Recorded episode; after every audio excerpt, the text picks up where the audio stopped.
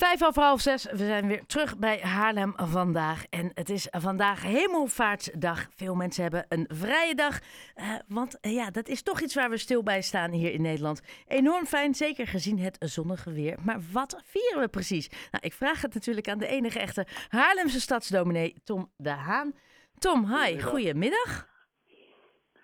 Ja, wat vieren we precies? Ja! Ja, nou, de, de, nou veel mensen vieren een vrije dag, hè. mooi weer. En ik was vandaag bij de Haarlemse Dichtlijn. Mocht ik uh, dichters uh, het podium geven. Dus ik heb 30 dichters aangekondigd. Dus nog even aan het bijkomen. Maar dat was heel erg leuk. En, uh, en ja, en, dus ik zocht het nog even na, weten dat ik er iets over mocht vertellen. Maar dat is wel een oude traditie dat er in Breda is er een jazzfestival op Hemelvaartsdag. En de, dus er zijn, worden, is een, een traditie om op deze dag juist evenementen te organiseren, omdat het weer mooi is geworden.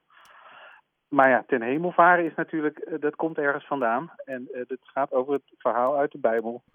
Uh, dat Jezus wordt opgenomen in de hemel. Ja. En ten hemelvaart. En uh, nou, als je dat verhaal induikt, dan dan zie je dat de Hemelvaartsdag bijvoorbeeld precies 40 dagen na Pasen wordt gevierd. En op Pasen is het verhaal dat Jezus, die daarvoor is vermoord aan het kruis, op Pasen blijkt het graf leeg te zijn en ontdekken zijn leerlingen dat hij is opgestaan uit de dood. En ja. vanaf dat moment heb je eigenlijk een hele bijzondere situatie, want dan loopt dus Jezus nog steeds op aarde rond en verschijnt aan zijn discipelen, maar hij kan nu opeens zomaar verschijnen uit het niets. Dus die 40 dagen lang tussen Pasen en nu is, is er ook is de opgestaande Jezus is een soort tussentoestand. Um, die natuurlijk niet eeuwig kan duren, want anders hadden we nog steeds Jezus hier op aarde gehad. Dus hij moet ook een exit-strategie hebben. En zo zie ik hemelvaart een beetje. Dat we afscheid moeten nemen van die, ja, weet je, ook wel de historische Jezus wordt genoemd. Dus degene die, de mens die zo rond het jaar 30 of het jaar 35. Maar hoe weten we dat wij, dat hij, hoe weten we dat wij op die dag dan nou ja, echt de aarde heeft verlaten en naar de hemel is gegaan. Ja, dat is het verhaal. Ja. dus dat is een verhaal wat niet te checken is. Um, en uh, wat ook meer een verhaal is dat goed past in het kerkelijk jaar. Rondom deze thema's is, hè, dus met kerst wordt Jezus geboren. En zo, deze cirkel gaan we elk jaar. Dus dat is meer iets wat in de eeuwen daarna ontstaan is. Ja. Dan dat je ook zegt, oh, de, de, de leerlingen hebben het bijgehouden op welke dag die ten hemel is gegaan. Is dat dan bijna een soort mythe? Ja, ik zou dat, ja, ik zou dat in die zin als mythe noemen, behalve dat het verhaal ook vertelt. Um, want Jezus verlaat ons niet, tenminste dat is het verhaal. Hij zegt, uh, niet, uh, hij zegt, daar ga ik het zondag over hebben in de preek. Hij zegt, het is goed dat ik ga, want als ik niet ga, dan kan de trooster niet komen. En de trooster is een ander woord voor de Heilige Geest. Uh, dus over tien dagen vieren we het Pinksterfeest. Exact. Uh, en dat is het feest van de Heilige Geest. Nou, en dan met de Heilige Geest, dan heb je wat we de Triniteit noemen: Vader, Zoon en Heilige Geest. Dus God, Jezus en Heilige Geest. Dat is een belangrijk thema in het christendom. Die zijn dan compleet. Dus het is iets wat kerken nog wel eens willen vergeten: dat die Heilige Geest een hele serieuze plaatsvervanger is van Jezus. En die eigenlijk nog net zo die is nog net zo actueel, die geest die tussen ons waait, of de geest van de creativiteit, of de geest van inspiratie, of de, ja, die geest die waait tussen ons. En, en het is dan vandaag een vrije dag. Pinksteren en Pasen is ook allemaal vrije dagen. Um, je, je, zei het net zelf, hè? heel veel mensen gebruiken deze dagen eigenlijk. Nou ja, ik hoorde al dat er files waren naar de outletmalls vandaag. Aha, yes. Ja, oprecht waar. Uh, ik dacht al, waarom is het druk op de weg naar Roermond? Toen zeiden ze van. zo rustig in Haarlem. Ja. ja, nee, ja, want daar zijn alle winkels dicht. Dus iedereen is serieus naar de outletmall. Hoeveel mensen gaan er dan ook daadwerkelijk met Pasen, Hemelvaart en Pinksteren naar de kerk? Nou, met Pasen gaan er veel mensen naar de kerk.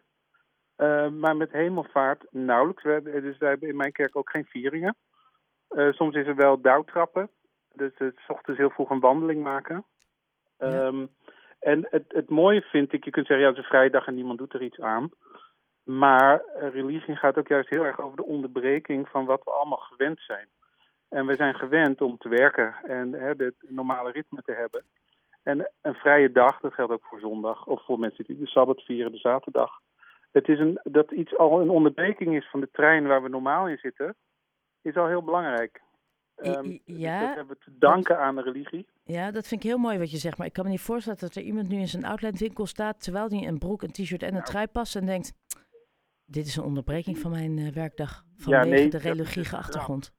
Dat is de grap en daar gaat het hele Oude Testament ook al over. Wat doen mensen dus? Ja. Die weten niet wat ze met die vrijheid aan moeten. En die gaan precies doen wat ze verder ook al doen. En dat is in deze tijd is dat de consument uithangen. Dus, uh, dus als we niet weten wat we moeten doen, dan gaan we dingen kopen.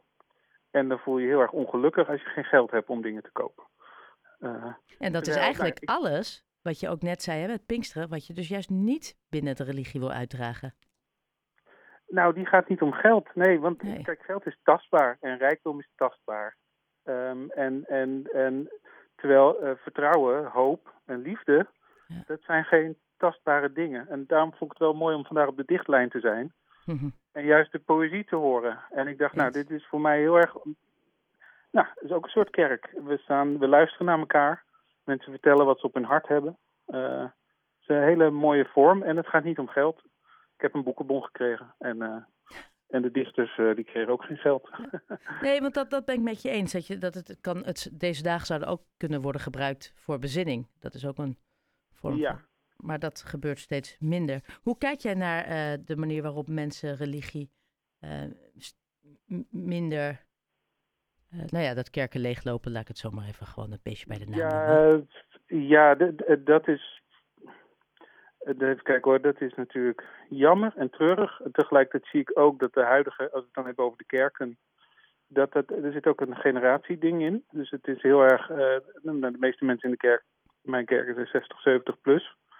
Uh, er is ook gewoon een jongere generatie die zegt, ja, maar zoals die kerk nu is, is niet mijn kerk. Uh, dat is één ding. De andere is dat ik het, Nederland echt een raar land is. We hebben religie heel erg verdacht gemaakt. En, um, en we vinden religie dwaas. Of uh, dat is blijkbaar voor mensen die niet nadenken.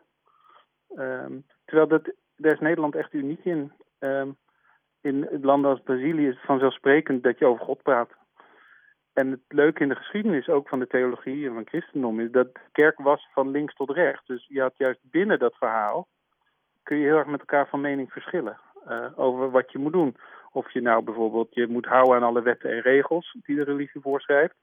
Of, en dat is ook een stroming binnen het christendom, dat de Heilige Geest, dus juist de spontaniteit, uh, dat het erom gaat hoe je het ten diepste voelt. En dat regels eigenlijk niet meer belangrijk zijn. Nou, die thema's zijn nog steeds actueel, zelfs buiten de kerk ook. Ja. Maken we nou met wetten een betere samenleving, want daar gaat de politiek over? Of is het nou juist belangrijk dat we met elkaar een gevoel van samen zijn delen en dat we bij elkaar horen, dat we een maatschappelijk verbindend verhaal met elkaar hebben over wat we samen belangrijk vinden? Ja, ja en op die manier hoop je ook door ook je wat meer open te stellen dat de jongeren de kerk ook weer weten te vinden.